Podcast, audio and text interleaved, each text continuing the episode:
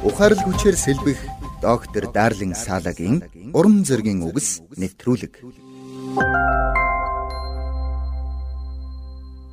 Манай эртний өмнөх 5 дахь зууны үед Иерусалим хотын хэрмийг хараахан сэргийн босгож амжаагүй байсан юм.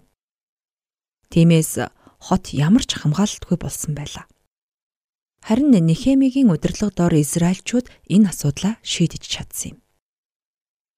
Иерусалим хотын хэрмийг сэргэн босгох нүсэр ажилд зөвхөн Иерусалимийн оршин суугчид төдийгүй Ирехо, Тикао, Гибеон болон Мисфа зэрэг зэрэгэлдэх хотуудын оршин суугчид мөр зэрэгцэн оролцсон юм.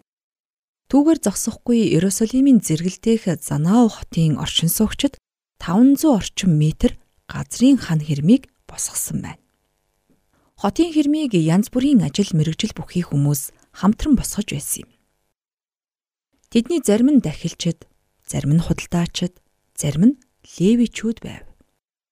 Тэдний дунд алтны дархан үззээл, сүрчиг хийгч Хананя гих мэт ховор ур чадвартай хүмүүс ч ажиллаж байсан юм.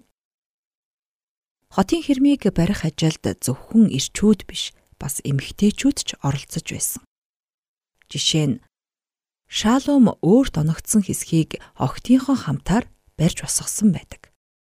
Гэхдээ мэдээж энэ ажилд хүн бүр таатай хандаж байсан гэж ойлгож болохгүй. Такаучууд хичээнгүлэн ажиллаж байсан ч тэдний язгууртнууд эздийнхээ ажлыг дэмтсэнгүй. Химэн Библиэд бичигдсэн байдаг.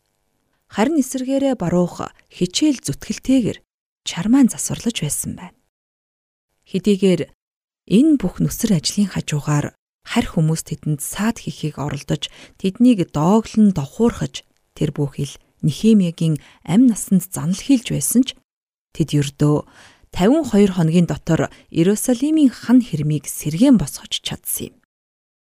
Энэ бүхний эцэст Нехемия хан хэрмийг барьж босгоход тусалсан бурханд болон хамтран зүтгэгчдтэй талархал илэрхийлсэн байна. Ингэхдээ тэрээр ард түмэн ажиллах зүрхтэй байв гэсэн байдаг.